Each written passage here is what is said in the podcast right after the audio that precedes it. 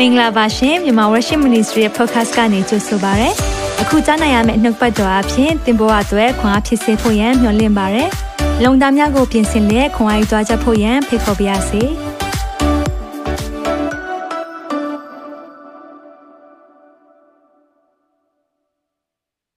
င်္ဂလာပါမိသားစုအားလုံးကိုဒီနေ့ပြန်လည်ဆုံတွေ့ခွင့်ပေးတဲ့ဖခင်ရှင်နာမတော်အထူးပဲချီးမွမ်းတယ်အားလုံးပဲစောင့်မျှော်နေတဲ့ prophecy update လည်းဒီလအတွက်ရောက်လာပါပြီကျွန်တော်ပြင်ဆင်ထားပါတယ်ပြီးခဲ့တဲ့အာဘက်ကလေးကပြောမဲ့အရာလေးတွေရှိပေမဲ့ဒီနေ့မှပဲပြောဖြစ်တယ်ဒါပေမဲ့ဖခင်ကအကောင်းဆုံးကျွန်တော်တို့ကိုနားလည်နိုင်ဖို့ရန်အတွက်ဝိညာဉ်တော်ကမဆာဖို့လိုအပ်တယ်အာမင်ကဘာတလွားမှာဖြစ်ပျက်နေတဲ့အရာတွေကြီးတဲ့အခါမှာအင်မတန်မှသွေးပြက်စရာခြောက်ခြားစရာဖြစ်တယ်ဒါပေမဲ့ ကျွန်တော်ဒီရဲ့စာအုပ်အဆုံးကိုကြည့်ဘူးကြလားကျွန်တော်ငယ်တုန်းကရုပ်ပြတွေပေါ့နော်ကာတွန်းပေါ့နော်ဒါမှမဟုတ်ရင်ဝတ္ထုဖတ်ရင်ကျွန်တော်နောက်ဆုံးမြင်မြန်လှန်ကြည့်တယ်မြင်လှန်ကြည့်ပြီးတော့နော်ကျွန်တော်အမဆိုတိတ်လုတ်တယ်သူကြည့်တယ်ဘာကြည့်လဲဆိုတော့ဒီဇက်လန်မှာတဲ့နောက်ဆုံးဘာဖြစ်သွားလဲချစ်ဝတ္ထုမှာမင်းသားနဲ့မင်းသမီးညားလားကွဲသွားလားကွဲသွားတဲ့စာအုပ်ဆိုသူမကြိုက်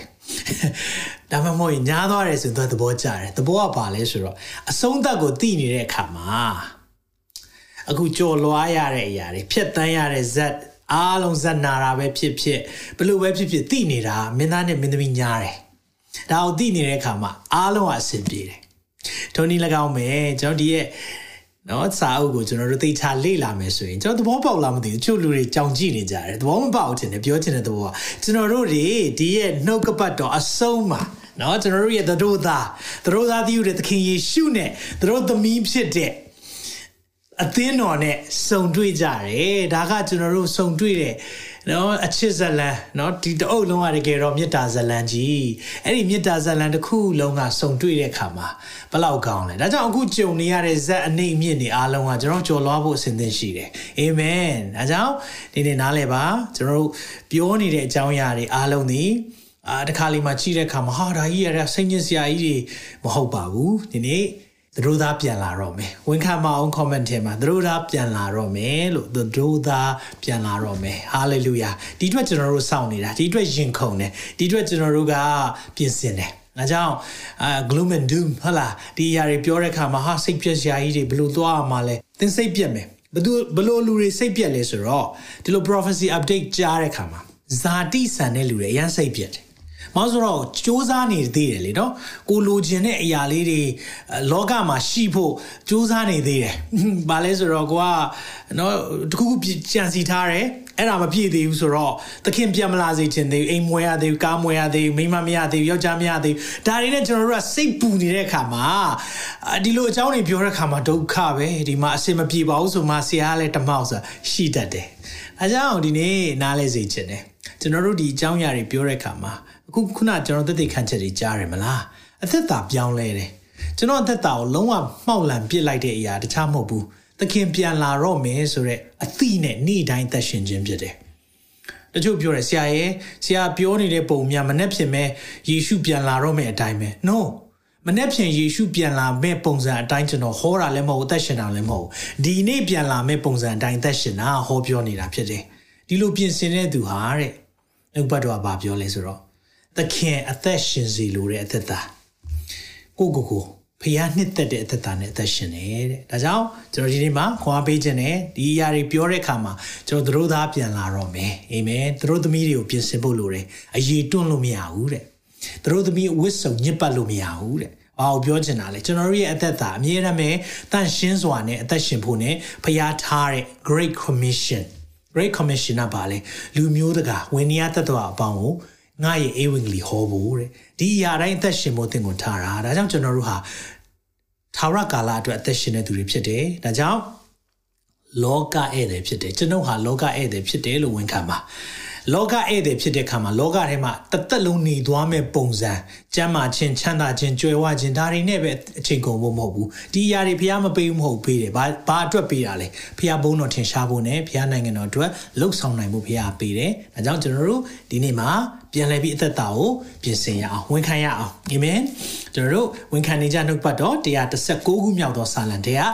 အပိုင်ငယ်တရားငါဝန်ခံရအောင်တင်းနှစ်သုံးနှုတ်ကပတ်တော်သည်အကျွန်ုပ်ခြေရှိမှမိခွက်ဖြစ်၍ကျွန်ုပ်လမ်းကြီးကိုလင်းစေပါ၏တစ်ခါလောက်ဝန်ခံပါအောင်နှုတ်ကပတ်တော်သည်အကျွန်ုပ်ခြေရှိမှမိခွက်ဖြစ်၍ကျွန်ုပ်လမ်းကြီးကိုလင်းစေပါ၏ဒီနေ့နှုတ်ပတ်တော်ကြားတဲ့အခါမှာသင်ဘာလုပ်ရမလဲဆိုတာဘုရားကအလင်းပြလိမ့်မယ်ခဏလောက်စက္ကန့်နေရအောင် အသက်ရှင်သောထာဝရမြတ်စွာသောဘုရားသခင်ကိုရောနာမတော်ကိုအထူးပဲချီးမွမ်းပါတယ်ပို့ဆောင်ပေးတဲ့ဘုရားကိုယေရှုတင်တယ်ကိုရောပြန်လာတော့မယ်အချိန်သိမ့်နေပြီကျွန်တော်ကင်းဆောင်နေဖြစ်တဲ့ကိုရောရဲ့ဂျွန်နေကိုရောရဲ့အမှုတော်ဆောင်နေကိုရောရဲ့အသင်းတော်နဲ့ကိုရောရဲ့သိချစ်တဲ့ကိုရောရဲ့သူတို့သမီးကို warning ပေးဖို့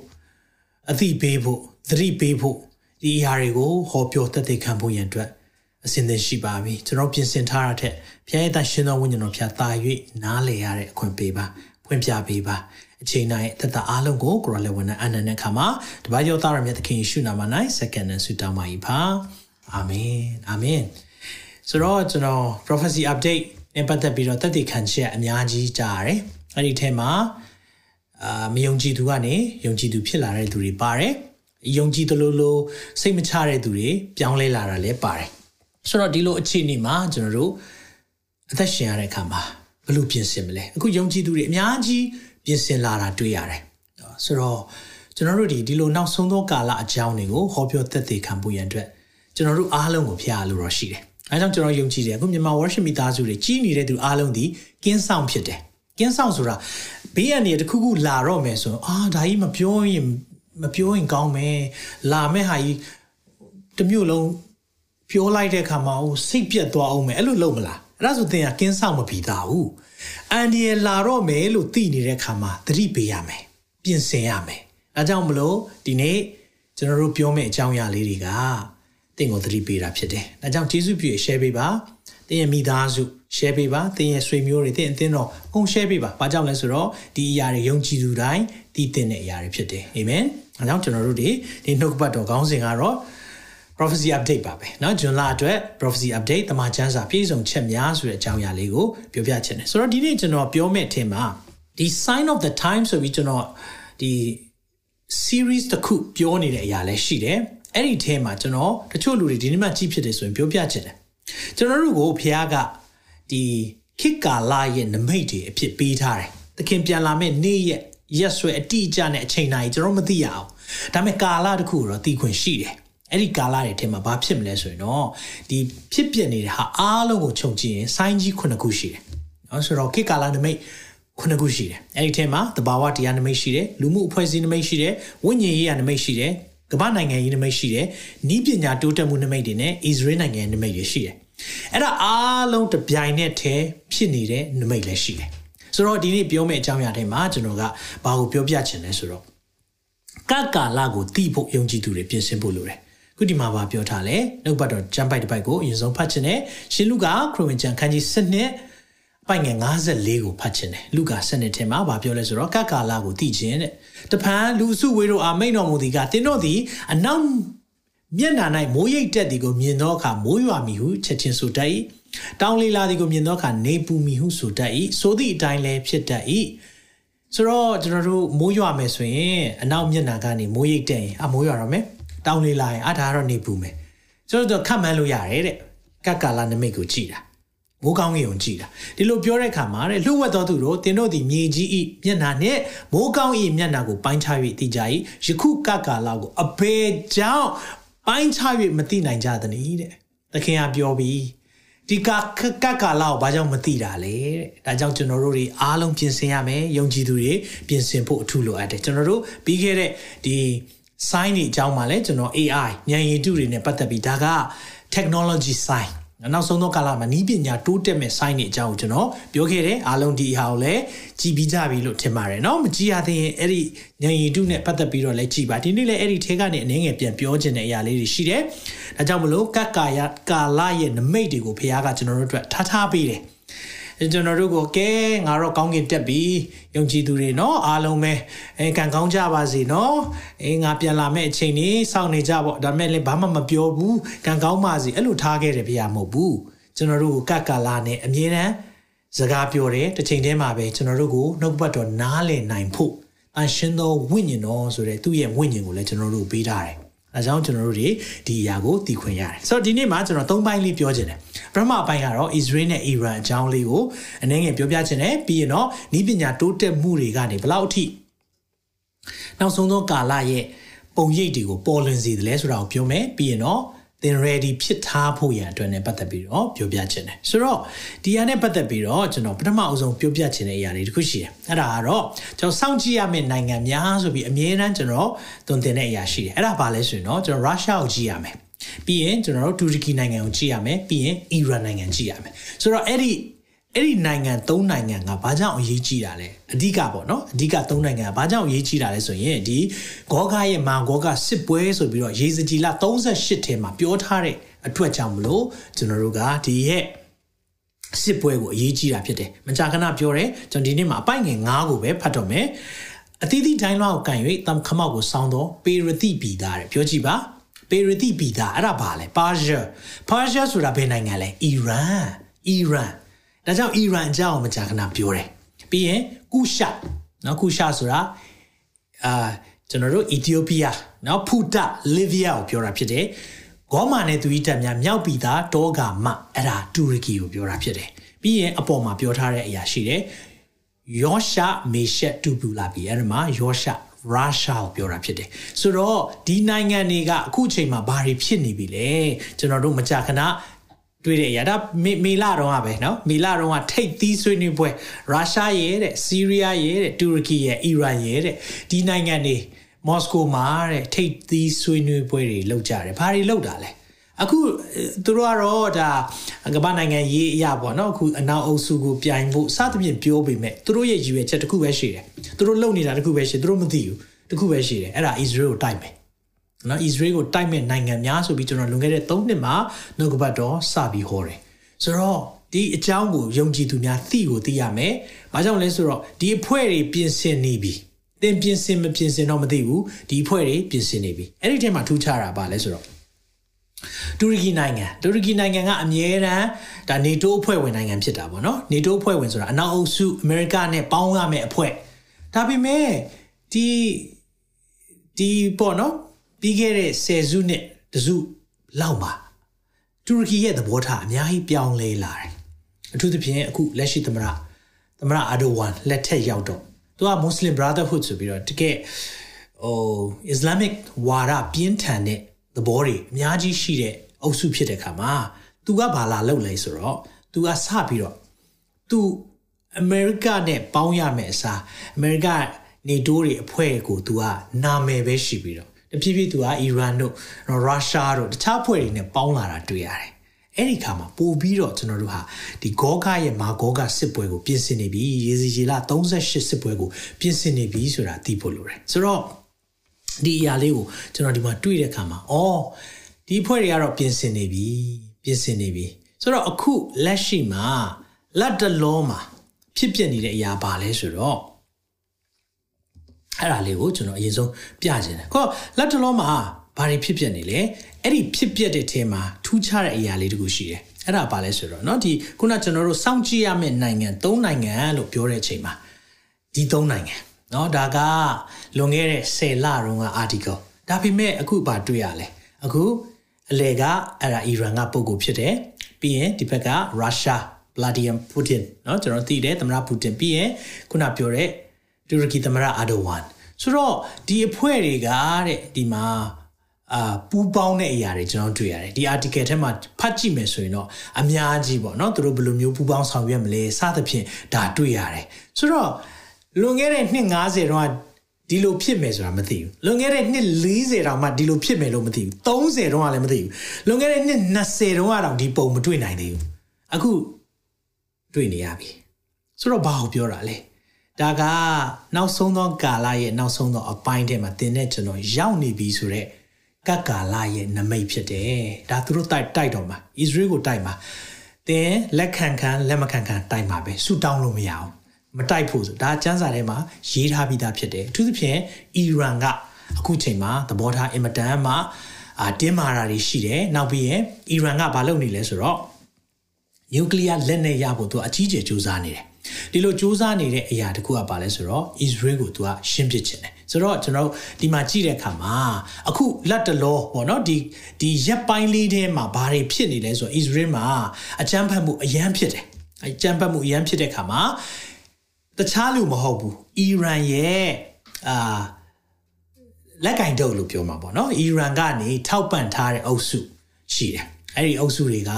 Hamas တို့ ပြီးရင် Islamic Jihad အဖွဲ့တို့ဒီအဖွဲ့တွေက Israel ကိုအခုချိန်မှာသူတို့ကအမျိုးမျိုးတိုက်ခိုက်တဲ့အခါမှာ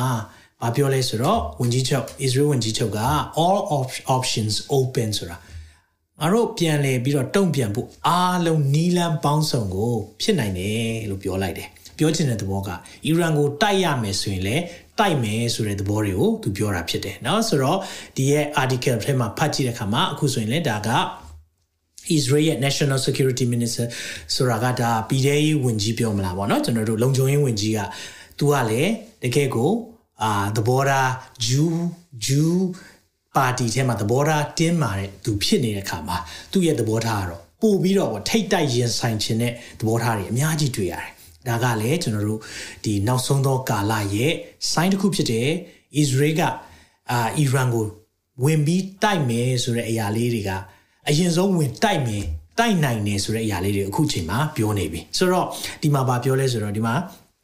ခုရက်ပိုင်းလေးပဲเนาะဒါတာတိတ်မကြသေးဘူးဒီရဲ့အစည်းအဝေးလေးဖြစ်သွားတာအခုအခုရက်ပိုင်းလေးပဲရှိသေးတယ်ဘာတွေဖြစ်လဲဆိုတော့ Iran ကတဲ့ praises Palestinian resistance ဆိုတာ Palestine တွေပေါ့เนาะ Palestine တွေ Palestine အဖွဲ့တွေက Israel ကိုတဲ့ resistant လုပ်တယ်ဆိုတာပေါ့နော်ကြံ့ကြံ့ခံပြီးတော့တွန်းလှန်နေတဲ့အရာတွေကိုတဲ့သူချီးကျူးပါတယ်တဲ့ဟာမတ်ရဲ့ Islamic Jihad leader တွေကိုချီးကျူးတယ်တဲ့ဆိုတော့ဒီဒီရဲ့ meeting လဲလုပ်နေတဲ့အချိန်မှာဒါတိုက်ဆိုင်မှုတော့မဟုတ်ဘူးနော်ပြီးခဲ့တဲ့ရက်ပိုင်းမှာပဲဘာဖြစ်သွားလဲဆိုတော့ Israel မှာအာဓာတ်ဆီဆိုင်မှာနော်လူလေးယောက်ကိုတပ်ပလိုက်တယ်ဆိုတော့ဒီမှာကြည့်လိုက်ပါနော်ဆိုတော့ဒီဘဲဘက်ကပုံကွာတခြားလူမဟုတ်ဘူးအဲ့ဒါကဘာခေါ်လဲဆိုတော့ IR IRGC လို့ခေါ်တယ်အဲ့ဒါကအီရန်ရဲ့အီရန်ရဲ့တော်လန်ရေးအာအဆောင်တက်လို့ခေါ်တယ်ဒီအဖွဲ့ကိုနိုင်ငံတကာကအကြမ်းဖက်အဖွဲ့လို့သတ်မှတ်ထားတယ်ဆိုတော့ဒီပုံကိုနဲ့ဒီညာဘက်ကပုံကဘာယ်သူလဲဆိုတော့ Palestine Islamic Jihad ရဲ့အာ General Secretary ဆိုသူတို့ရဲ့အထွေထွေတင်းမှုနဲ့တွေ့ကြတယ်ဒီလိုလဲတွေ့ပြီးဒီလိုမျိုး meeting တွေလုပ်ပြီးတိုင်းမှာ Israel မှာအမြဲတမ်းကြမ်းဖက်မှုတွေဖြစ်တယ် ဒီအဲ့လိုအကြမ်းဖက်မှုတွေဖြစ်တဲ့အရာလေးတွေကိုဒီတလောမှာတွေ့ရတဲ့ဟာကကျွန်တော်တို့တိုက်ဆိုင်မှုလုံးဝမဟုတ်ဘဲနဲ့အခုလိုမျိုးပေါ့နော်ဒီလိုမျိုးတွေ့ဆုံဆွေးနွေးမှုတွေရှိတိုင်းမှာဒီလိုမျိုးတွေရှိတိုင်းမှာဒါကအီရန်ကတော့ထောက်ပံ့တယ်လက်နက်လည်းထောက်ပံ့တယ်ပတ်စံလည်းထောက်ပံ့တယ်အစ္စရေးကိုရှင်းပစ်နိုင်ဖို့အမျိုးမျိုးလုပ်နိုင်ဖို့လုပ်တယ်နောက်တစ်ခုကကျွန်တော်ဒီတစ်ခုကိုတော့တော်တော်များများမပြောကြအောင်သိဖို့ကပါလဲဆိုတော့ဥမာအသေးခံတိုက်ခိုက်တာတို့ဘုံခွဲတာတို့သူတို့သိတယ်အာ Israel ဒီပြည်သူတွေထဲကတယောက်ယောက်ကိုဝင်ပြီးတော့တခုခုလုံမယ်ဆိုရင်သူတို့အသက်အန္တရာယ်ရှိတယ်ဆိုတာသိတယ်။သိတော့သူတို့ကဘာကြောင့်လုပ်တာလဲ။နော်ဒါဒါလွဲမားတဲ့ခံယူချက်လည်းဟုတ်တယ်။ပြီးရင်နောက်တစ်ခုကဘာလဲဆိုတော့ဥမာဣသရေလနိုင်ငံထဲမှာသူတို့ကနော်မြို့ကူးသွားပြီးတော့နော်ဂျူးနေတဲ့အပိုင်းရှိတယ်ပြီးတော့သူကနေနေပေါ့နော်နေချထားတယ်ဆိုတော့အဲ့လိုနေကူးပြီးတော့တခုခုလှုပ်လိုက်ပြီးဟေးဆိုရင် Israel စစ်တပ်ကပဲဖြစ်ဖြစ်ရဲရပဲဖြစ်ဖြစ်အဲ့ဒီအကြမ်းဖက်သမားကိုတတ်လိုက်ပြီဆိုပါစို့အဲ့ဒီအချိန်မှာဘာလုပ်လဲဆိုတော့အဖွဲ့အစည်းရှိတယ်သူတို့ရဲ့နောက်ခံအဖွဲ့အစည်းဟာအဲ့ဒီမိသားစုနဲ့သားသမီးတွေအားလုံးကိုနစ်နာကြီးဆိုပြီးတော့တကယ်ကိုပတ်စံပေးတယ်နော်ဆိုတော့ဒီပတ်စံတွေကဘယ်ကလာလဲဆိုတော့ခုနပြောတဲ့အနောက်အုပ်စုအမေရိကကတော့တခြားအဖွဲ့တွေကနေ အာလူမှုကူညီရေးအကူအညီပေးတဲ့ငွေတော်တော်များများကအဲ့ဒီမှာသုံးပလိုက်တယ်ဆိုတော့ဒီကိစ္စတွေမြင်တဲ့အခါမှာကျွန်တော်တို့ကဘာလို့ဒီလိုအားပေးတာလဲเนาะဒီမိသားစုတွေဟောဒါသူတို့ကတော့ဥမာအာဂျူးတယောက်လောက်ကိုတတ်နိုင်တယ်နှစ်ယောက်လောက်ကိုတတ်နိုင်တယ်ဆိုတော့ကြီးကျယ်အောင်မွဲခံကြတယ်ကြီးကျယ်အောင်မွဲခံပြီးတော့သူတို့တစ်မျိုးလုံးတောင်းတောင်းဖြောက်ဖြောက်လုပ်ကြတယ်အဲ့ဒီသေတဲ့သူရဲ့မိသားစုကိုလည်းမျိုးမျိုးမြက်မြက်ကိုပေးတယ်ဆိုတော့လူငယ်တွေက ဒီစိတ်တွေပဲဝင်ပြီးတော့အမြဲတမ်းတိုက်ခိုက်ခြင်းတယ်အဲ့ဒါကူကကျွန်တော်တို့ဘာနားလေရမလဲဆိုတော့ဒီရေစကြည်လ38 39စစ်ပွဲဖြစ်ဖို့ဂောဂအိမာဂောကစစ်ပွဲကိုဥတီနေတဲ့အချက်တွေဖြစ်တယ်ဆိုတာကိုနားလည်ဖို့လိုတယ်ဒါကြောင့် သူတို့ရဲ့နောက်ွယ်ကလက်မဲကြီးเนาะလက်မဲကြီးကတခြားမဟုတ်ဘူးအီရန်ပဲเนาะဆိုတော့ကျွန်တော်တို့ကတော့ the the the head of a snake မွေကောင်းပေါ့เนาะဆိုတော့ um နော်တို့မွေးမသိတော့မကြိုးဟလာဆိုတော့ဒီဒီဥစ္စာကဘလို့ပဲဟို Israel အနေနဲ့ဘေးကပတ်ဝန်းကျင်နိုင်ငံတည်တည်လေးတွေကနေအာဒီအကြမ်းဖက်အဖွဲ့အစည်းတွေကိုဘလို့ပဲရင်ဆိုင်ရင်ဆိုင်တကယ်တမ်းရှင်းပြရမှာဒီနောက်ွယ်ကပုံကိုယ်တွေဖြစ်တယ်ဆိုတော့အခုလောလောဆယ်မှာဘာတွေဆက်ဖြစ်မလဲအခုချိန်မှာ all options open နဲ့ဝင်ကြီးချုပ်ကတော့ပြောပြီးပြီအခုတလောမှာဘာကြားနေရတယ်ဆိုတော့ Israel ကအီရန်ရဲ့ nuclear ဓာတ်ပေါင်းဖော်တွေကိုဖျက်ဓာတ်ပေါင်းဖော်တွေကိုဖျက်ဆီးမယ်ဆိုတဲ့သတင်းပေါ့နော်ဝင်တိုက်မယ်ဆိုတဲ့သတင်းတွေမကြာခဏကြားရတယ်ဆိုတော့ဒါနဲ့ပတ်သက်ပြီးတော့အဲ့ဒါဘာသတင်းတစ်ခုရှိသေးလဲဆိုတော့ကျွန်တော်ပြချင်တာအဲ့မှာဘာတွေ့ရလဲဆိုတော့ Western official claim the emergent Iran deal is meant to prevent an Israeli military attack ဆိုတော့ဘာလဲဆိုတော့အခု ထူးခြားတာကအခုเนาะကျွန်တော်တို့ America America ဆိုတာထက် Biden အစိုးရလို့ပြောရင်ပုံမှန်ပါလိမ့်မယ်เนาะ Biden အစိုးရကဘာစ조사နေလဲဆိုတော့ Iran နဲ့ nuclear သဘောတူညီချက်ရဖို့ပဲစ조사နေတာ2015မှာစခဲ့တယ်အဲ့ဒီသဘောတူညီချက်အရာဘာလုပ်လဲဆိုတော့ Iran ကိုပြောတယ် nuclear လက်နက်တော့မထုံနဲ့မထုံနဲ့အဲ့ဒီအတွက်ကြောင့်မလို့စီးပွားရေးပိတ်ဆို့မှုကိုဖြေလျှော့ပေးမယ်ဆိုပြီးတော့သူတို့တွေကဒီအာအများကြီးပေါ့နော်ပတ်စံနေ ဒီရဲ့စီးပွားရေးဖြေလျှော့ပေးလိုက်တဲ့အတွက်အီရန်ကပတ်စံအများကြီးကျိုးမြတ်ရှိတယ်။ဒါမဲ့ဒီဥစ္စာကစိတ်ချလို့မရအောင်။ဘာလို့လဲဆိုတော့ဒီနိုင်ငံတကာအမှုမျိုး agency တွေဝင်စစ်ဆေးမာတွေကိုပိတ်တာတို့အဲသူတို့အဲ့ဒီလာတော့မယ်လာစစ်ဆေးတော့မယ်လို့သတင်းကြားပြီဆိုရင်လက်ချီလေးနည်းနည်းပြက်နေတာတော့ဒါဘာလို့လဲဆိုတော့ဘုံထုတ်ဖို့ပဲကြိုးစားတာလीเนาะဆိုတော့ဘုံထုတ်ဖို့ကြိုးစားတော့သူတို့ကဒါဘလို့ပဲဖြစ်ဖြစ်လုပ်မှာပဲ လုံးမဲ့ဟာကိုအခုချိန်ထိဘိုင်ဒန်အစိုးရကဆွေးနွေးကျင်သေးတယ်ဆွေးနွေးကျင်သေးတယ်ဆွေးနွေးကျင်သေးဒါပဲပြောနေတယ်ဆိုတော့အခုတလောမှာသတင်းတစ်ခုပေါ့နော်ဒါ mainstream တော့မကြားရအောင်အဲ့ဒါပါလဲဆိုတော့သူတို့နောက်ွယ်မှာသဘောတူညီချက်တစ်ခုခုတော့ရထားတယ်လို့သိရတယ်။အဲ့ဒီရထားတဲ့အကြောင်းရင်းတစ်ခုကပါလဲဆိုတော့အစ္စရေးကတဲ့အီရန်ကိုဝင်တိုက်မှာဆိုးလို့အဲ့ဒီသဘောတူညီချက်ကိုရအောင်လုပ်ထားတယ်ဒီ article မှာအခုလိုပြောထားတယ်။နော်ဆိုတော့ဒါလေးကိုကြည့်လိုက်တဲ့အခါမှာဘာတွေ့ရလဲဆိုတော့ ဒီမှာ Western officials ဆိုအနောက်အုပ်စုကတဲ့ Israel ကအီရန်ကိုဝင်တိုက်မှာဆိုးတဲ့အတွက်ကြောင့်မလို့တဲ့အီရန်နဲ့ deal ရအောင်လုပ်နေတယ်ဆိုတဲ့အကြောင်းကိုပြောထားတယ်။ဒါပေမဲ့ Netanyahu ဘာပြန်ပြောလဲဆိုတော့ new nuclear agreement won't stop Iranian bomb ဘလောက်ပဲခင်ဗျားတို့သဘောတူညီချက်လုပ်လို့တဲ့အီရန်ကဘုံထုတ်တာကိုရက်မှာတော့မဟုတ်ဘူးတဲ့။ဒါဒါကတော့သိကြတယ်။ဒါကြောင့်အခုဘာပြင်ဆင်နေကြလဲဆိုတော့အာ Israel ဝင်ကြီးချုပ်ကောပြီးရင် Israel ကာကွယ်ရေးဝင်ကြီးကောပြီးရင် Israel အာဒီတက်တွေကိုဥဆောင်နေသူเนาะဆိုတော့စစ်တပ်တွေထိတ်ထိတ်သီးအကြီးကဲဒီ၃ယောက်လုံးရဲ့စကားတန်ကိုကြားတဲ့အခါမှာဘာပဲကြားရလဲဆိုတော့သူတို့ဘယ်လိုအခြေအနေဖြစ်ဖြစ် Israel ကိုဝင်တိုက်မယ်စသဖြင့်ဒါပဲသူတို့ပြောနေကြတယ်เนาะဆိုတော့ဒီအရာလေးကိုကျွန်တော်တို့မြင်တွေ့တဲ့အခါမှာတော့ဒီမှာကြည်ပါဘလို့ပဲဖြစ်ဖြစ်တိုက်မှာပဲတဲ့ဒါကြောင့်မလို့ အဲဒီ article မှာဖတ်ကြည့်မယ်ဆိုတော့အများကြီးပေါ့နော်ဒါနဲ့ပတ်သက်ပြီးတော့တွေ့ရတယ်ဆိုတော့ Benjamin Netanyahu ပြောတဲ့စကားလုံးလေးဒီမှာကျွန်တော် highlight လုပ်ထားပါတယ် Our first mission is to stop Iran from going nuclear တဲ့เนาะဆိုတော့ဒီဥစ္စာကိုတွေ့တဲ့အခါမှာ nuclear မရှိဖို့တိုက်မှာပဲတဲ့ဒါမျိုးပြောနေပြီเนาะ nuclear ဘုံရဖို့တော့မဖြစ်နိုင်ဘူးဘာကြောင့်သူတို့ nuclear ဘုံရတဲ့အထိစောင့်ရမှာလေတဲ့ Israel ကပြောပြီဆိုတော့ဒီရဲ့ အာကျွန်တော်တို့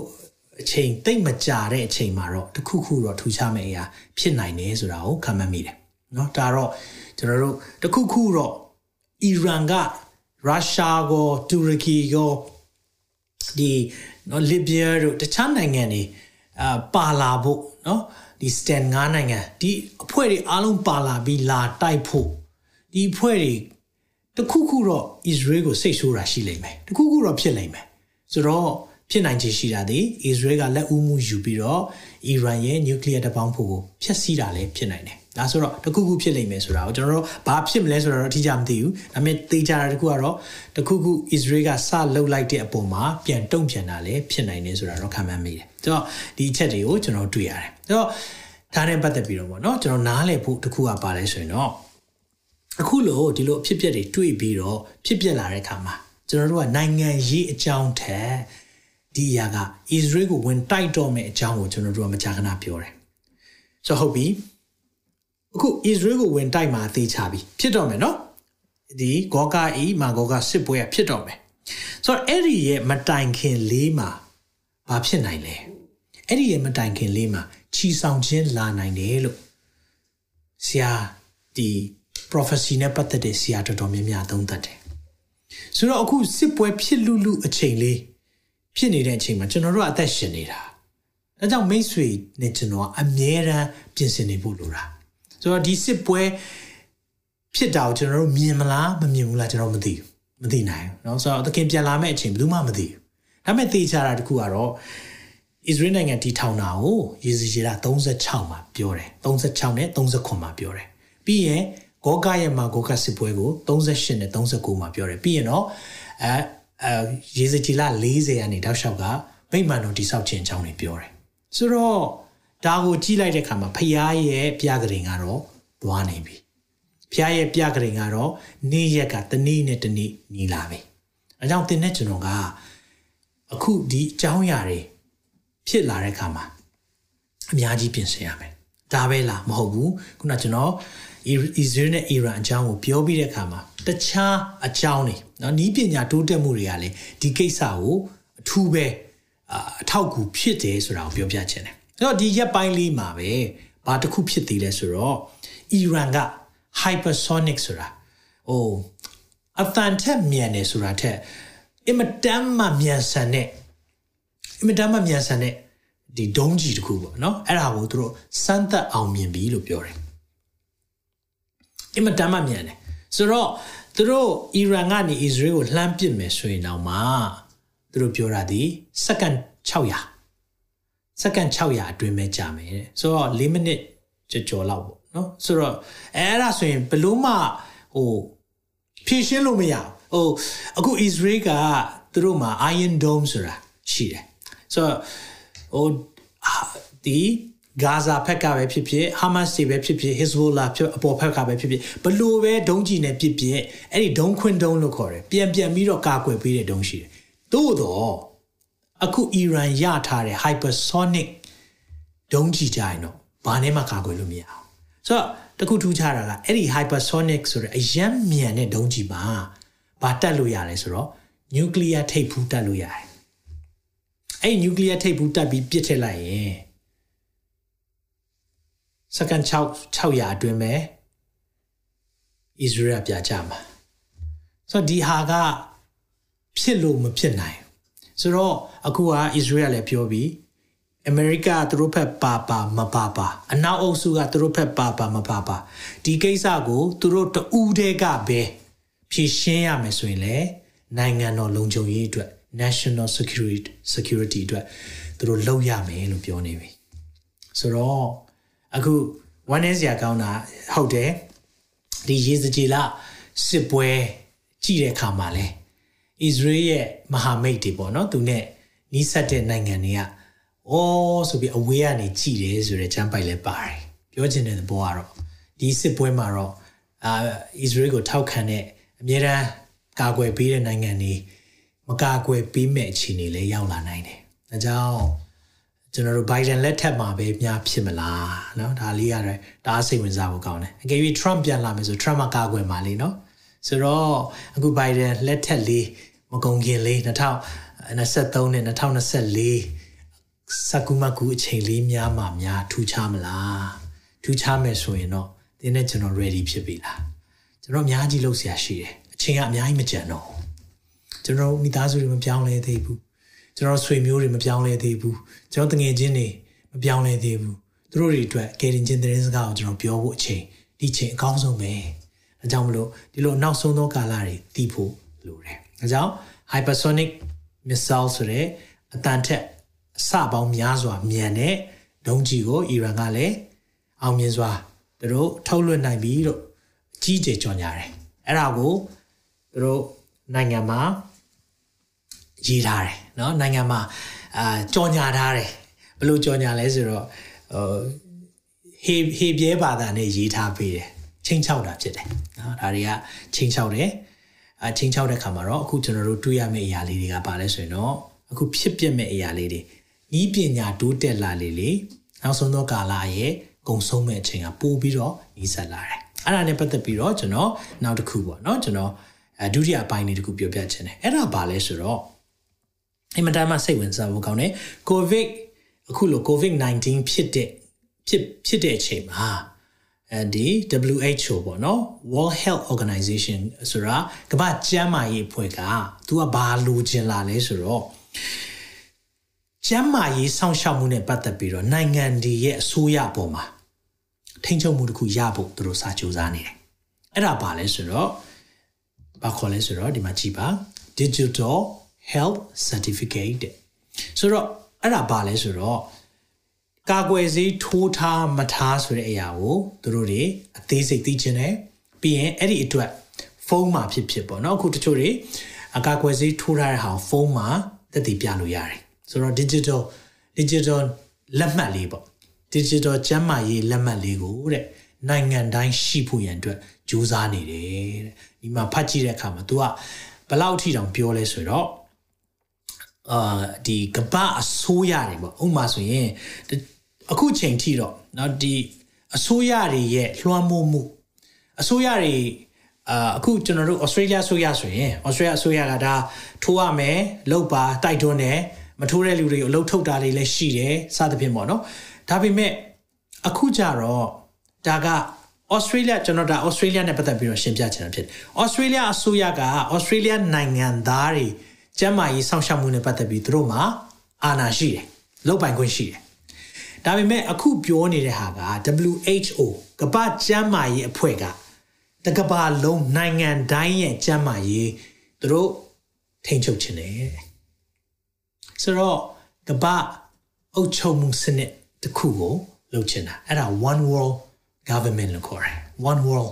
ဆိုတော့အုပ်ချုပ်မှုစနစ် တစ်ခုတည်းပဲတကဘာလုံးကိုအုပ်ချုပ်မှုစနစ်တစ်ခုတည်းပဲရှိရမယ့်အစီအစဉ်လေးလိုတယ်။ဘာကြောင့်အဲ့ဒါလိုတာလဲသိလား။ anti crick ကတကဘာလုံးကိုအုပ်ချုပ်မှုစနစ်တစ်ခုတည်းနဲ့သူကအုပ်ချုပ်ချင်တာ။ဆိုတော့အဲ့ဒီဟာတွေအတွက်အားပေးတဲ့အရေးအယောင်တွေနဲ့ဖြစ်နိုင်ကြီးတွေအများကြီးတွေ့လာရတယ်။နော်ဒါကြောင့်မလို့အခု digital health certificate ကအခုဆိုရင်တချို့နိုင်ငံတွေမှာရှိတယ်တချို့နိုင်ငံတွေမှာမရှိဘူး။ Australia ရှိတယ်အမေရိကတွေရှိ တယ် Europe ဆိုရင်တချို့နိုင်ငံတွေမှာမရှိဘူးဆိုတော့အင်္ဂလန်ဆိုရင်စိတ်ထိုးထားထားမထားထားပေးဝင်တယ်အမေရိကဆိုရင်စိတ်မထိုးထားတော့ပေးမဝင်ဘူးအမေပြီးခဲ့တဲ့ရက်ပိုင်းကပဲပြီးခဲ့တဲ့လပိုင်းလောက်မှာဖြစ်မယ်ပေးဝင်တယ်ဆိုတော့ဘယ်လောက်ထိဆိုလဲဆိုတော့ဒီကျွန်တော်တို့အားကစားနဲ့ပတ်သက်ပြီးတော့เนาะပြောမယ်ဆိုရင် tennis champion เนาะကမ္ဘာနံပါတ်1 Novak Djokovic ကိုပေးမဝင်ဘူးအမေရိကကိုလာပြီးကစားလို့မရဘူးကြမ်းကြမ်းမမတန်တန်မမ तू तू နော်အားကစားသမားကဘာအဆင့်တစ်လာခွင့်မရှိပိတ်ထားတယ်ဆိုတော့ဒါကနိုင်ငံတွေရဲ့သမှတ်ချက်နဲ့ဆိုင်တယ်ဆိုတော့အခုကျွန်တော်ထိုင်းသွားတဲ့အခါမှာသူတို့ထိုးထားထားမထားထားအခုရတယ်ပေးဝင်တယ်ဒါပေမဲ့တကယ်လို့သာအခု WHO ကမ္ဘာ့ကျန်းမာရေးအဖွဲ့ကဒီကိစ္စကိုကင်တွယ်တော့မယ်ဆိုရင်ကျွန်တော်တို့ရဲ့လှုပ်ဆောင်မှုတွေကျွန်တော်တို့ရဲ့ငွေကြေးတွေကျွန်တော်တို့ရဲ့ကျန်းမာရေးကျွန်တော်တို့ရဲ့ကိစ္စအဝဝကိုသူက စောင့်ကြည့်လို့ရသွားပြီအင်မတန်မှကြောက်ဖို့ကောင်းတဲ့အလားအလာဖြစ်တယ်ဒါကိုကျွန်တော်တို့ဒီဖို့လိုတယ်เนาะဆိုတော့အဲ့ဒါနဲ့ပတ်သက်ပြီးတော့ဆက်ဆက်တဲ့တခုကပါလဲဆိုတော့ကျွန်တော်သိတယ် Mr. Bill Gates Bill Gates ကဘာတူလဲဆိုရင်တော့ကျွန်တော်တို့ Microsoft အာ software တွေနဲ့နာမည်ကြီးတဲ့သူဖြစ်တယ်အခုသင် computer သုံးနေဆိုရင်အဲ့ဒီ computer software တွေနဲ့သူကအာချမ်းသာလာတဲ့ပုံကိုဖြစ်တယ်သူကဘာပြောဘူးလဲဆိုတော့ COVID-19 မဖြစ်ခင်9နှစ်တုန်းကငါတို့တွေတဲ့ကမ္ဘာကတ်ကျန်းမာရေးနဲ့ပတ်သက်ပြီးတော့ပြဿနာတစ်ခုကြုံရင် ready မဖြစ်ဘူးနော်တဲ့သူကလို့ပြောတယ်ကဘာတစ်ခုလုံး ready မဖြစ်ဘူးနော်တဲ့သူကလို့ပြောတဲ့ခါမှာအားလုံးကတော့ဒီပုဂ္ဂိုလ်ဘာပြောနေတာလဲအဲ covid မဖြစ်သေးဘူးနော်ငါးနှစ်ကြိုပြီးပြောတယ်အခုလည်းသူဘာပြောလဲသေးလားနောက် covid test ဆိုးတာလာအောင်မယ်တဲ့နောက် covid test ဆိုးတဲ့ဟာလာအောင်မယ်တဲ့ သူပြောတယ်ပြောပြီးတော့ငါတို့အဲ့ဒီအတွက်ကိုပြင်ဆင်ထားရမယ်သူကတော့အာကျမကြီးနဲ့ပတ်သက်ပြီးပြင်ဆင်စေချင်တယ်ဆိုတဲ့သဘောမျိုးပြောတာဒါပေမဲ့ကျွန်တော်တို့သိတာပါလဲဆိုတော့ကိုဗစ်ကတော့ rehearsal ပဲဒါပေမဲ့ဒီနောက်တစ်ခုဖြစ်တဲ့ချိန်ကျရင်အစိုးရတွေကကြမ်းကြမ်းတမ်းတမ်းကိုင်တွေတော့မှာအဲ့ဒါမိတ်ဆွေသိတာဟုတ်လို့တယ်အခုကျွန်တော်တို့ Australia မှာတော့မှ case ဆောင်အခု Queensland ဆိုရင်အစပိုင်းတော့ COVID case 3ခုလောက်ပဲတွေ့တော့ lockdown ချပလိုက်တယ် lockdown ဘာဖြစ်ဖြစ် lockdown ဆိုဘာမှလုပ်လို့မရဘူးဆိုတော့အဲ့လိုမျိုး lockdown တွေချမဲ့အရာတွေကနောက်ဒီလိုမျိုးကျမ်းမာရေးနဲ့ပတ်သက်ပြီးတော့ကဘာကတ်ကြီးတစ်ခုစိုက်မယ်ဆိုရင်ဘယ်လိုလုပ်မလဲသူတို့ကပြင်ဆင်နေပြီသင်နဲ့ကျွန်တော်ပြင်ဆင်ထားဖို့လိုတယ်သူတို့ကတော့ဒါထိန်းချုပ်မှာဘာကြောင့်လဲဆိုတော့ anti crit ရဲ့သူ့ရဲ့အုပ်ချုပ်မှုစနစ်နဲ့တွဲပြီးပါလာမယ့်ဟာတားရဲတစ်စိတ်ဖြစ်တယ်လက်ရလက်နဲ့ နဖူးမှာတဲ့တားရဲတစ်စိတ်မခံယူတဲ့သူတွေရောင်းဝယ်ဖောက်ကားခွင့်မရှိဘူးတဲ့ဒါရိတ်73ထဲမှာပြောထားတယ်ဆိုတော့အဲ့ဒီဂျမ်ပိုက်ပြည့်စုံဖို့ကအခုကအဲ့ဒီဘက်ကိုဥတည်နေပြီအများကြီးဥတည်နေပြီအဲကြောင့်ကျွန်တော်တို့ကသိထားဖို့က Bill Gates ကတော့ပြောတယ်ငါရောတဲ့ဟိုဟိုအနှုတ်လက္ခဏာစကားတွေဟိုမကြားချင်တဲ့စကားတွေပြောတာမဟုတ်ပါဘူးတဲ့ဒါပေမဲ့တဲ့အခုရှေ့မှာလာမယ့်ဟာပိုဆိုးလိုက်မယ်တဲ့ ဆိုတော့အများကြီးပဲเนาะကျွန်တော်တို့ဒီ covid ဆိုရင်လည်းတရုတ်နိုင်ငံဝူဟန်ဝူဟန်တပ်တပ်ခွဲခန်းကနေသူတို့တွေအဲ့ဒီတကယ်တော့အဲ့ဒီ covid 19ဟာတေချာပေါက်လူလုတ်ထားတဲ့အရာဖြစ်တယ်ဆိုတာကိုအစာနာတွေအများကြီးတွေ့တယ်ထောက်ထားတယ်ဒါပေမဲ့အဲ့အစာနာအထောက်ထားတွေ့တဲ့ဟာအလုံးကိုရှင်းပလိုက်တယ်ဆိုတော့နောက်ယောဂပိုးတစ်ခုများပြင်ဆင်ထားပြီလားတော့မသိဘူးတေချာတာတစ်ခုကတော့2019 COVID-19 အဲဒါကြောင့်2019လို့ပြောတာလေနော် 2020 2021တောက်လျှောက် lockdown lockdown ထိန်းချုပ်မှုတွေရှိသလိုနောက်တစ်ခုများလာရင်တော့နေကြတယ်ဈေးထိုးရမယ်လက်ရလက်နဲ့နဖူးမှာဒစိယူရမယ်ဆိုရင်သင်ဘယ်လိုလုပ်မလဲဒါတွေဖြစ်ဖို့ရန်အတွက်လာနေပြီဒါတွေဖြစ်ဖို့လာလာနေပြီအဲကြောင့်မလို့ကျွန်တော်တို့ကဒီအကြောင်းအရာတွေကိုဤပညာတိုးတက်မှုဖြစ်လာတိုင်းတခုနားလည်ဖို့ကပါလဲဆိုရင်တော့ကျွန်တော်တို့အနေနဲ့ ပို့ပြီးတော့ပြင်ဆင်ထားဖို့လိုတယ်ဆိုတာပြောပြချင်တယ်နော်ဒါကြောင့်ကျွန်တော် jump bite တစ်ပိုက်ပြချင်တယ်အဲ့ဒါကတော့ကျွန်တော်တို့ပြတဲ့73ထဲမှာနော်တာရဲနဲ့ပတ်သက်ပြီးတော့ပြောထားတယ်အဲ့ဒီတာရဲနဲ့ပတ်သက်ပြီးပြောထားတဲ့အရာကိုကျွန်တော် anti christ ဆိုတဲ့ထဲမှာ anti christ ဆိုတဲ့အာဒီနောက်ဆုံးသောကာလ series 4ထဲမှာကျွန်တော်အသေးစိတ်ပြောထားတဲ့အတွက်ကြောင့်မလို့ဒီနေ့တော့မပြောတော့ဘူးဒါပေမဲ့ဒီမှာပြောထားတယ်အငယ်ဆက်ခွန်မှာဗာပြောလဲဆိုတော့ ထိုတစိတ်လက်မှတ်တည်ဟုသောတာရဲ့ဤနာမဖြစ်စေနာမ၏ရည်ရွယ်ဖြစ်စေတခုခုကိုမခံသောသူတယောက်မျှမယောင်းမဝယ်စေခြင်းက၎င်းစီရင်၏တာရဲ့တစိတ်မယူရင်ရောင်းဝယ်လို့မရတော့ဘူးပြောချင်တာဈေးလည်းဝယ်လို့မရတော့ဈေးလည်းရောင်းလို့မရတော့ဘာမှလုပ်လို့မရတော့ဘူးအဲကြောင့်မလို့အငယ်16မှာဆိုရင်ငွေရတတ်သောသူဆင်းရဲသောသူကျွန်ခံရသောသူလွတ်သောသူ ကြီးငယ်ရှိသမျှတို့သည်လက်ရလက်နိုင်ဖြစ်စေနဖူးနိုင်ဖြစ်စေဒစိမ့်လက်မှတ်ကိုခံစေခြင်းက၎င်းတဲ့။အော်လက်ရနဲ့နဖူးမှာအဲကြောင့်တချို့ကပြောတယ်ကိုဗစ်ထိုးတာအသားရဲထိုးတဲ့အရာဖြစ်တဲ့ခါမှာကျွန်တော်တို့ဒါကတော့အာသားရဲဒစိမ့်မဟုတ်ဘူးလို့ယုံကြည်တယ်။သို့တော့ဘယ်လိုထိန်းချုပ်မလဲတော့မသိဘူး။သိချတာတော့လက်ရလက်နဲ့နဖူးမှာတဲ့တခုခုကျွန်တော်တို့ကိုလုံမဲ့အရာလာနိုင်မယ်တဲ့။နော်ဒါကြောင့်ဒီအရာကတော့ အမှတ်တစိလို့ပြောတဲ့အခါမှာဒါကို Greek ထဲမှာဘယ်လိုပြောလဲဆိုတော့သူက tattoo ပုံစံမျိုးเนาะဆိုတော့အသားပေါ်မှာလုံမဲ့အရာလေးတစ်ခုရှိလိမ့်မယ်အဲ့ဒီအသားပေါ်မှာလုံမဲ့အရာလေးတစ်ခုလာထားမယ်ဆိုရင်တော့သေချာပေါက်အဲ့ဒါကသားရဲတဲ့စိတ်ဖြစ်လာတော့မယ်ဆိုတော့သားရဲပေါ်လာမယ်သားရဲတဲ့စိတ်ပြီးမယ်မယူဘူးဆိုရင်တော့ရောင်းဝယ်ဖောက်ကားလို့မရအောင်သင်ပါနဲ့စားမလဲမလုပ်မလဲဆိုတော့အဲ့ဒီထိန်းချုပ်မှုစနစ်တွေတစ်ခု ပေါ်လာပါအဲ့ဒါ one world government ဒါမှမဟုတ်ရင် global federal government လို့လည်းခေါ်တယ်ဒါမှမဟုတ်ရင်အုပ်ချုပ်မှုစနစ်အသစ်တစ်ခုပေါ်လာမယ်ပေါ်ကိုပေါ်လာမယ်အဲ့ဒါကိုဥဆောင်မဲ့သူကနော်ဥရောပနိုင်ငံကနေလာမယ်လို့တော့ပြောကြတယ်သူ့နောက်မှာနိုင်ငံ10နိုင်ငံကအကြီးအကျယ်ထောက်ပံ့နိုင်မယ်အဲ့ဒီတယောက်လာလိမ့်မယ်အဲ့ဒီတယောက်လာဖို့ကျွန်တော်တို့စောင့်နေတာမဟုတ်ဘူးအဲ့ဒီတယောက်ကိုနိုင်တဲ့တယောက်ဖြစ်တဲ့သခင်ယေရှုလာဖို့စောင့်နေတာဟာလေလုယာဒါကြောင့်ဒီအရာလေးတွေပေါ်လာတော့မဲ့ ရိတ်လက္ခဏာလေးတွေမြင်တွေ့တဲ့အခါမှာမိတ်ဆွေနဲ့ကျွန်တော်ကအမြဲတမ်းပြင်ဆင်ထားဖို့လိုတယ်ဆိုတာကိုပြောပြချင်တယ်။နောက်နောက်တစ်ခုအဲ့ဒါနဲ့ပတ်သက်ပြီးတော့အင်မတန်မှထူးခြားတဲ့အရာလေးနောက်ဒါလေးကိုလည်းတချို့တွေတည်ပြီးသားဖြစ်လိမ့်မယ်။အဲ့မှာဗာပြောလဲဆိုတော့အသင်းတော်တွေမှာနော်ဘာလို့လဲသိလား။ဟိုတလောကပဲဂျာမနီမှာ Chat GPT ကိုသုံးပြီးတော့တဲ့တရားဟောသွားတယ်။တရားဟောဆရာမရှိဘူး။ဒါပေမဲ့တရားဟောလို့ရတယ် ဘာသုံးသွားလဲ AI ဤပညာဉာဏ်ရည်တုနဲ့နော် someone ပြင်ဆင်ပြီးတော့တဲ့ဟောသွားတဲ့ခါမှာတဲ့ 300ကျော်လောက်တက်တယ်တဲ့အရန်အောင်မြင်တယ်တချို့ဆိုရင်ဟာဒီလောက်ဒီလောက်ကောင်းတဲ့အစီအစဉ်ဒီလိုမျိုးလုပ်လို့ရမှန်းတော့မသိဘူးတဲ့အော်စရာပဲเนาะဆိုတော့အခုဒါကตาရဲตาရဲတစိတ်ထဲမှာထူးခြားတာပါလဲဆိုတော့ตาရဲရဲ့အစွမ်းတစ်ခုထဲမှာပါလဲပါလဲဆိုတော့ ရုပ်တုတွေကိုတဲ့စကားပြောနိုင်တဲ့အခွင့်ကိုသူပေးလိုက်မယ်ရုပ်တုကိုစကားပြောနိုင်တဲ့အခွင့်ဆိုတော့အခု AI ကအဲ့ဒါပဲလေစက်ရုပ်ပဲရုပ်တုပဲလေအသက်ရှိတာမှမဟုတ်တာဒါမဲ့စကားပြောနိုင်တဲ့အခွင့်ပေးမယ်အဲ့ဒါကြောင့်မလို့ဒါကြောင့်စကားပြောနိုင်တဲ့အခွင့်ရနေပြီလားဆိုရင်အခုမတိမတာလေးနဲ့အခုအသင်းတော်တွေမှာထွက်နေပြီဆိုတော့အဲ့မှာသူတို့ screen ကြီးနဲ့ အဲเนาะဆိုတော့အဲ့ဒီမှာဘာလုပ်လိုက်လဲဆိုတော့လူတယောက်ယောက်ရဲ့ပုံတော့သုံးလိုက်တယ်ဆိုတော့ဥမာသူတို့အခု AI စနစ်ကဘယ်လောက်ကောင်းလဲဆိုတော့ကျွန်တော်ရုပ်နဲ့ကျွန်တော်အတန်ကိုဖန်ထားလို့ရတယ်ပြီးရင်ကိုပြောချင်တဲ့သတင်းစကားပေါ့နော်အဲ့ဒါကိုစက်ထဲမှာထည့်ပေးလိုက်တယ်ဆိုရင်ကျွန်တော်ပဲပြောနေတယ်လို့မျိုးပြောမှာကျွန်တော်ပဲဟောနေတယ်လို့ပဲဟုတ်နော်ကျွန်တော်ကနေတခုခုဟောရဲဆိုဟာဒါဆရာဒေးဗစ်ကင်ဟောနေတာပဲဆိုပြီးတော့ဟာဒါတော့ငါတို့လိုက်လို့ရမယ် အာဒါတော့ငါတို့တမန်တရားဟောနေတာပဲဆရာတမန်တရားဟောတဲ့သူဖြစ်တယ်စသဖြင့်အဲ့လိုပဲ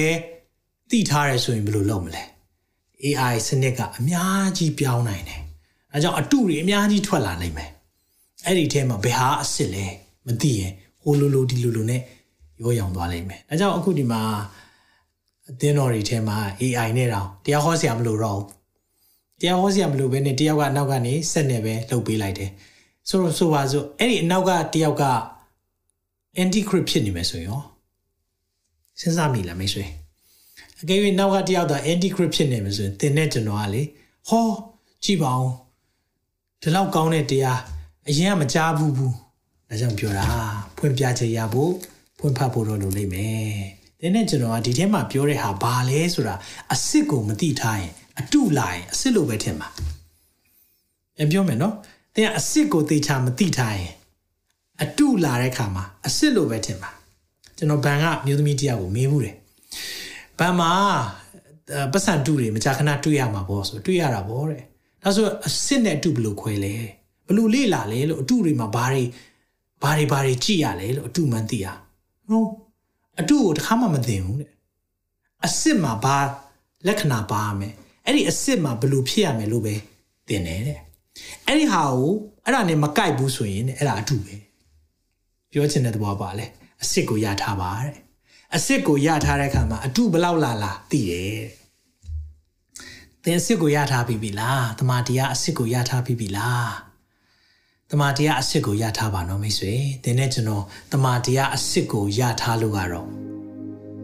ဘာပဲလာလာဒါကတော့အတူရောင်ပဲဆိုတာသိလိမ့်မယ် AI မကလို့ဘာပဲလာဟောဟောသိတယ် ရုပ်ရုပ်ကတော့ဟလာဆရာဒေးဗစ်ကင်ရုပ်ပြောတဲ့ message ကတော့ဆရာဟောနေတဲ့ message မဟုတ်ဘူးဆိုရင်တော့သိလိုက်ပါအဲ့ဒါအတူပဲအကြောင်းကျွန်တော်တို့နားလေပါဒီလိုမျိုးတွေလာတော့မဲ့ကာလထဲမှာသင်နဲ့ကျွန်တော်အသက်ရှင်နေတာဖြစ်တယ်အဲ့ဒါကြောင့်မလို့သင် ready ဖြစ်ထားဖို့လိုတယ်ဒီကိစ္စလေးနဲ့ are you ready ဆိုတာမျိုးကိုမေးချင်တယ်ဒီ plan လေးကိုကျွန်တော်တွေ့တာမကြသေးဘူးလူတွေဘယ်လိုပြင်ဆင်လဲဆိုတာပြောပြမယ်နော်ယုံကြည်သူတွေဘယ်လိုပြင်ဆင်လဲတော့မသိဘူး ဖယားအောင်မသိတဲ့သူတွေပြင်ဆင်တာလေးတခုကိုပြချင်တယ်အဲ့ဒီပြင်ဆင်တဲ့အရာလေးကိုကျွန်တော်တခုပြချင်တယ်အဲ့ဒါဘာလဲဆိုတော့ဒီမှာကြည့်လိုက်ပါအဲ့ဒါကရေပေါ်မှာ city on the ocean a smart healthcare city on the ocean an ark လို့ခေါ်တယ်ဆိုတော့ no a သင်္ဘောလိုမျိုးပဲပေါ့ နော် ark ဆိုတာတော့ no a သင်္ဘောကိုပြောတာလीနော်ဆိုတော့ဒီအဖွဲကဘာစူးစမ်းနေလဲဆိုတော့ရေပေါ်မှာပေါ်လောပေါ်နိုင်တဲ့မြို့ဒီဆောင်မယ်တဲ့အကယ်၍ရေလွှမ်းမိုးခဲ့ရင်အဲဒါမှမဟုတ်ရင်ကျမကြီးစောင့်ရှောက်မှုတစ်ခုခုဖြစ်ခဲ့မယ်ဆိုရင်တဲ့ဒီမြို့မှာနေလို့ရအောင်ပြင်ဆင်နေပြီတဲ့ဆိုတော့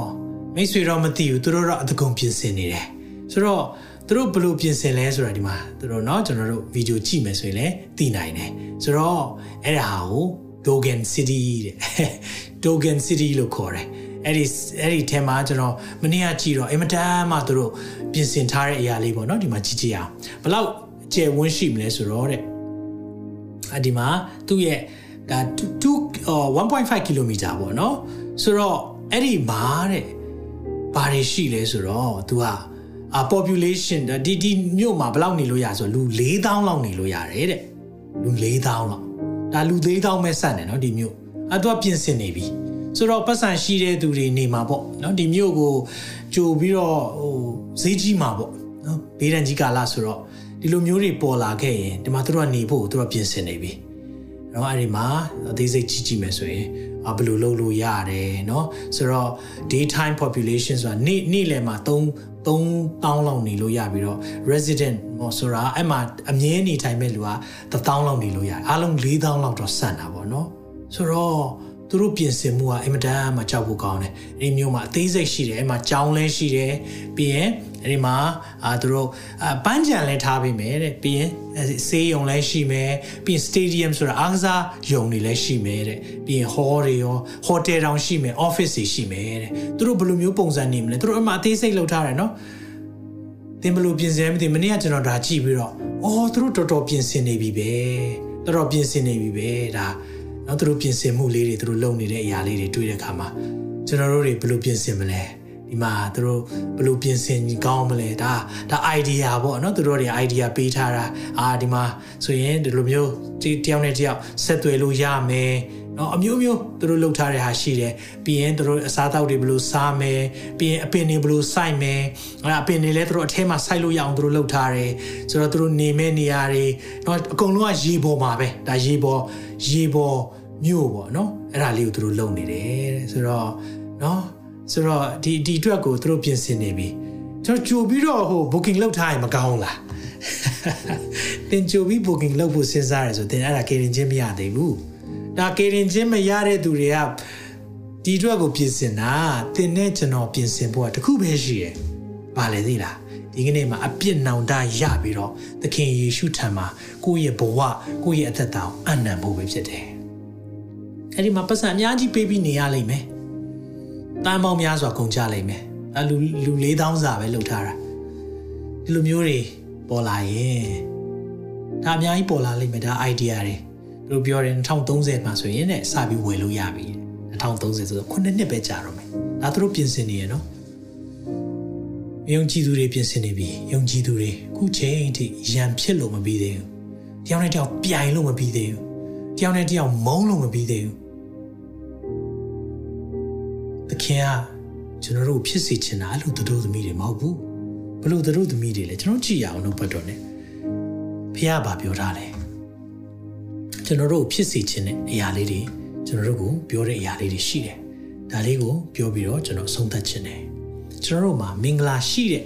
မျော်လင့်ရာဆိုတာရှိတယ်တခြားလို့မဟုတ်ဘူး သခင်ယေရှုဖြစ်တယ်အဲ့သခင်ယေရှုလာတဲ့အချိန်မှာမင်္ဂလာရှိတဲ့မျော်လင့်ရာဘာလဲဆိုတော့တိတုဝါရစာအခန်းကြီး1အငယ်17ကနေ73ထဲမှာဘယ်လိုပြောလဲဆိုတော့အကြောင်းမူကားမင်္ဂလာရှိသောမျော်လင့်ရာကို၎င်းကြီးမြတ်သောဘုရားသခင်တည်ဟူသောငါတို့ကိုကယ်တင်တော်မူသောအရှင်သခင်ခရစ်တော်ဤဘုန်းတည်တော်ထင်ရှားပေါ်ထွန်းခြင်းကို၎င်းငါတို့သည်မျှော်လင့်ရဲ့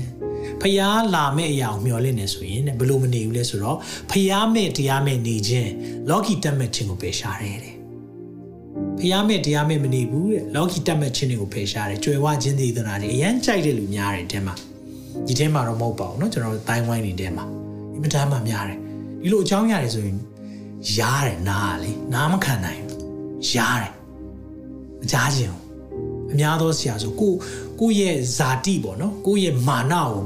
ရေလောင်းပေးမဲ့တရားတွေအရန်ကြားခြင်းတယ်ဒီဆိုအဲ့ဒီထဲမှာမပါဘူးလို့ကျွန်တော်မြင်ကြည့်တယ် သင်ဒီအရာကိုကြည့်တယ်ဆိုရင်သင်အဲ့ထဲမှာမပါလို့ဘုရားရှင်နာမှာတော့သူ့ပဲချီးမွမ်းတယ်အဲကြောင့်ဒီလိုအရာလေးတွေပေါ်လာတဲ့ခါမှာ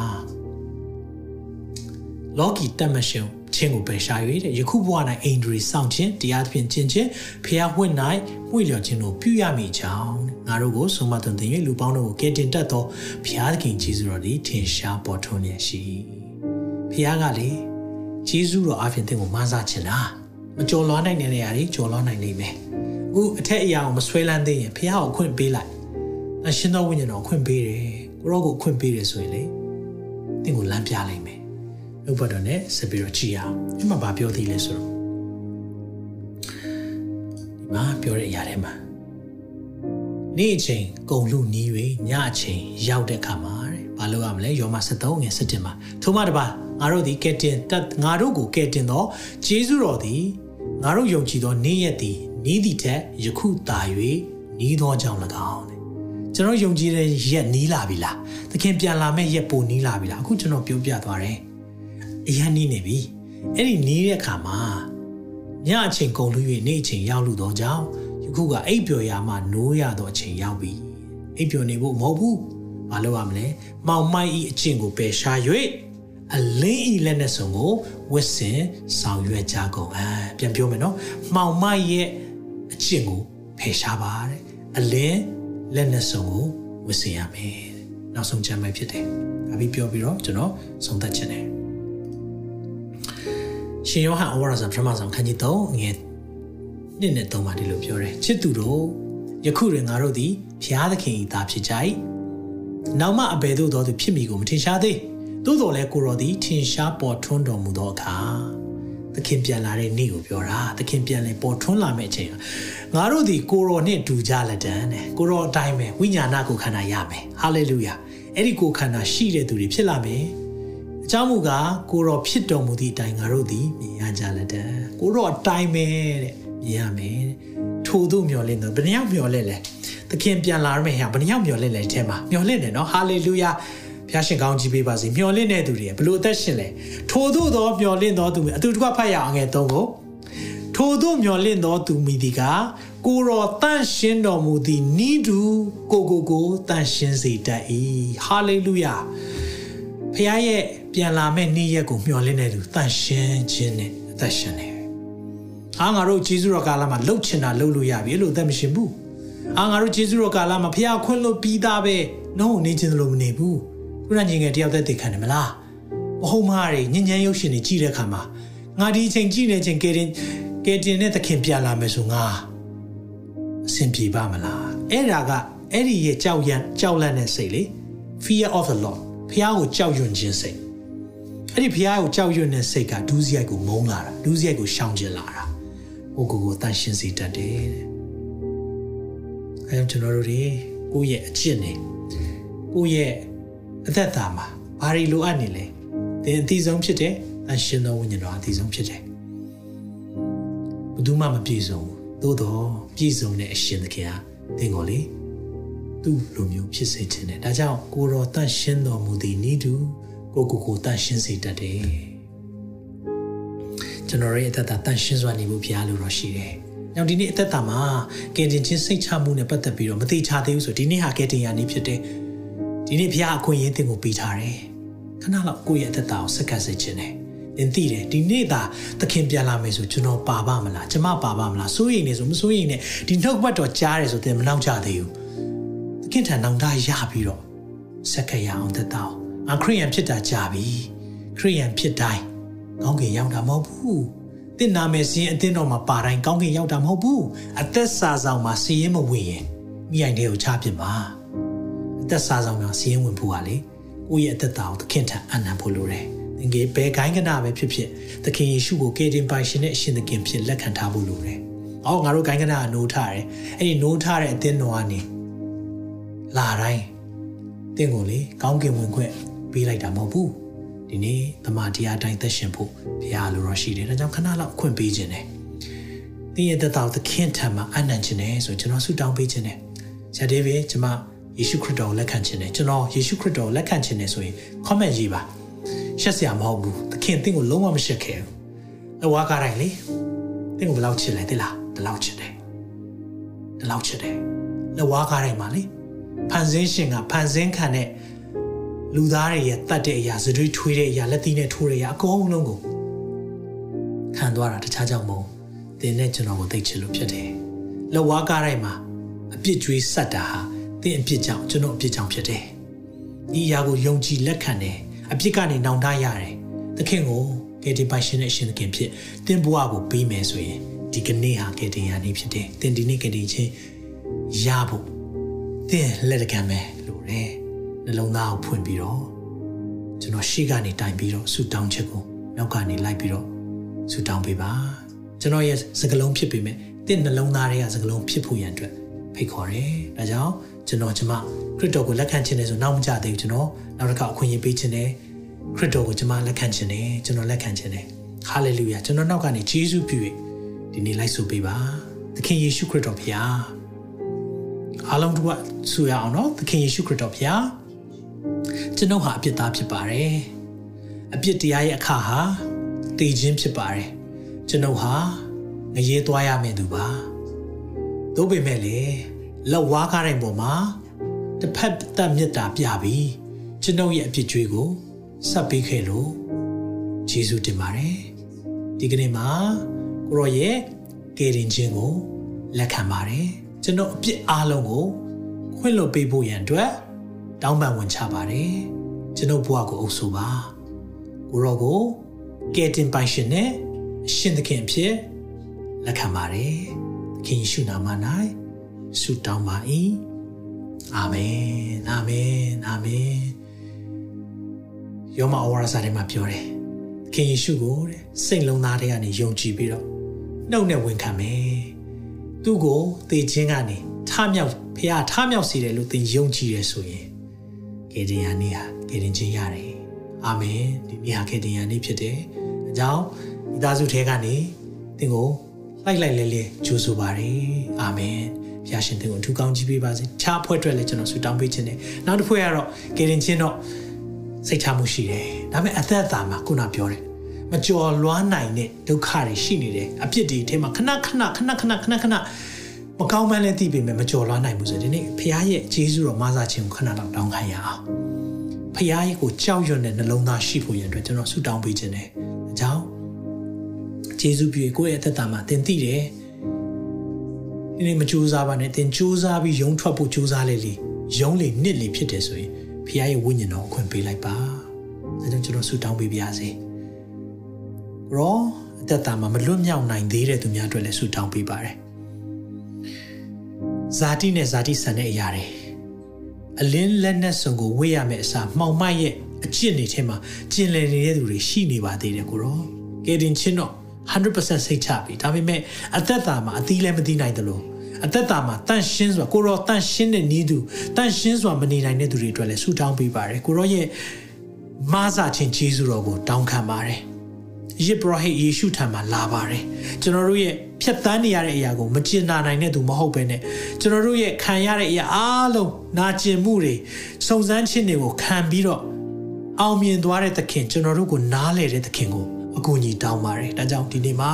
ကိုရောရဲ့မဆာခြင်းတကူကိုကျွန်တော်တို့အသက်တာမှာရှိပါမိကြောင်းရောကောင်းကြီးပေးမဆာပို့ဆောင်ပေးပါပါမကြော်လွှားနိုင်တဲ့မူရစေဝပြဿနာဆွဲလမ်းမှုပြဿနာညဉ့်ညမ်းရုပ်ရှင်ပြဿနာအတင်းပြောခြင်းမှဆိုင်သူတစ်ပါးကိုရှုံချခြင်းမှဆိုင်ကျွန်တော်ရဲ့အသက်တာမှာမလွတ်မြောက်နိုင်သေးတဲ့အကျင့်တွေအားလုံးကနေလွတ်မြောက်ပါမိကြောင်းတန်ရှင်တော်ဝိညာဉ်တော်ဖျားမဆာ၍ကျွန်တော်တို့ကိုကယ်မပါကိုရောကိုအကူအညီတောင်းပါတယ်။ ရောက်ချင်းစီတိုင်းမကြမ်းပါတဲ့သူများပေါ်မှာလည်းကျမ်းမာခြင်းတကူကိုကြီးညာပါတယ်။စိတ်မသာညှိတွားတဲ့သူတွေအပေါ်မှာလည်းစိတ်ချမ်းသာခြင်းရှိပါမိကြောင်းကြီးညာတယ်။ခက်ခဲနေတဲ့သူများစီးပွားရေးအဆင်မပြေတဲ့သူများဖခင်ရဲ့ကြွေးမွေးခြင်းနဲ့ကောင်းကြီးမင်္ဂလာကိုတောင်းခံပေးပါတယ်ကိုရောကိုယ်တိုင်တယောက်ချင်းစီတိုင်းကိုရောရဲ့သူတို့သမီးတွေကိုကိုရောကြည်ရှုကြပါကင်းဆောင်များဖြစ်လာဖို့ရန်အတွက်ကိုရောရဲ့သူတို့သမီးတွေထဲကနေလဲကောင်းဆောင်များကိုကို ရောမွေးထုတ်ပေးပါဒီနောက်ကဘတ်တော်ကြားခြင်းအပြင်အသက်တာမှာစစ်မှန်သောနောင်တနဲ့ကိုရောထံကိုလိုက်လာပါမိကြောင်းဆုတောင်းပေးပါတယ်အလိုတော်သည်ကောင်းကင်ဘုံမှာပြည့်စုံတဲ့ကဲ့သို့ဒီရဲ့ program ကိုကြည့်ရှုနေကြတဲ့သားသမီးအကြီးဆုံးမှငယ်ဆုံးတိုင်းတရားပါစေပြည်စုံပါစေသခင်ယေရှုရဲ့မြတ်သောနာမ၌စက္ကန့်နဲ့ဆုတောင်းပါ၏ပါ အာမင်အာမင်သင်ကိုဖျားသခင်အထူးကောင်းချီးပေးပါစေထာဝရဖျားသည်သင်ကိုကောင်းချီးပေး၍ဆောင်မတော်မူပါစေသောထာဝရဖျားသည်သင်၌မျက်နာတော်အလင်းကိုလွှတ်၍ဂိယူနာယေရှုပြုတော်မူပါစေသောထာဝရဖျားသည်သင်ကိုမြှောက်ကြည့်၍ချမ်းသာပေးတော်မူပါစေသော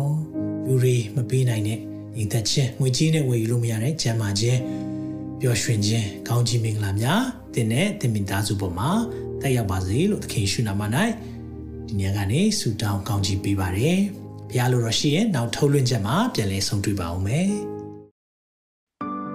တင်ခုလိုနာဆင်ခွန်အားနိုင်ခြင်းဟာမြန်မာ Worship Ministry ကိုလာဆင်ပန်ပိုးနေကြတဲ့ Kingdom Partners များအကြောင်းဖြစ်ပါတယ်။ဘုရားခင်နိုင်ငံတော်ကျယ်ပြန့်ရေးအတွက်လာဆင်ပေးကမ်းပောင်းဖို့ရန်ဖိတ်ခေါ်လိုပါတယ်ရှင်။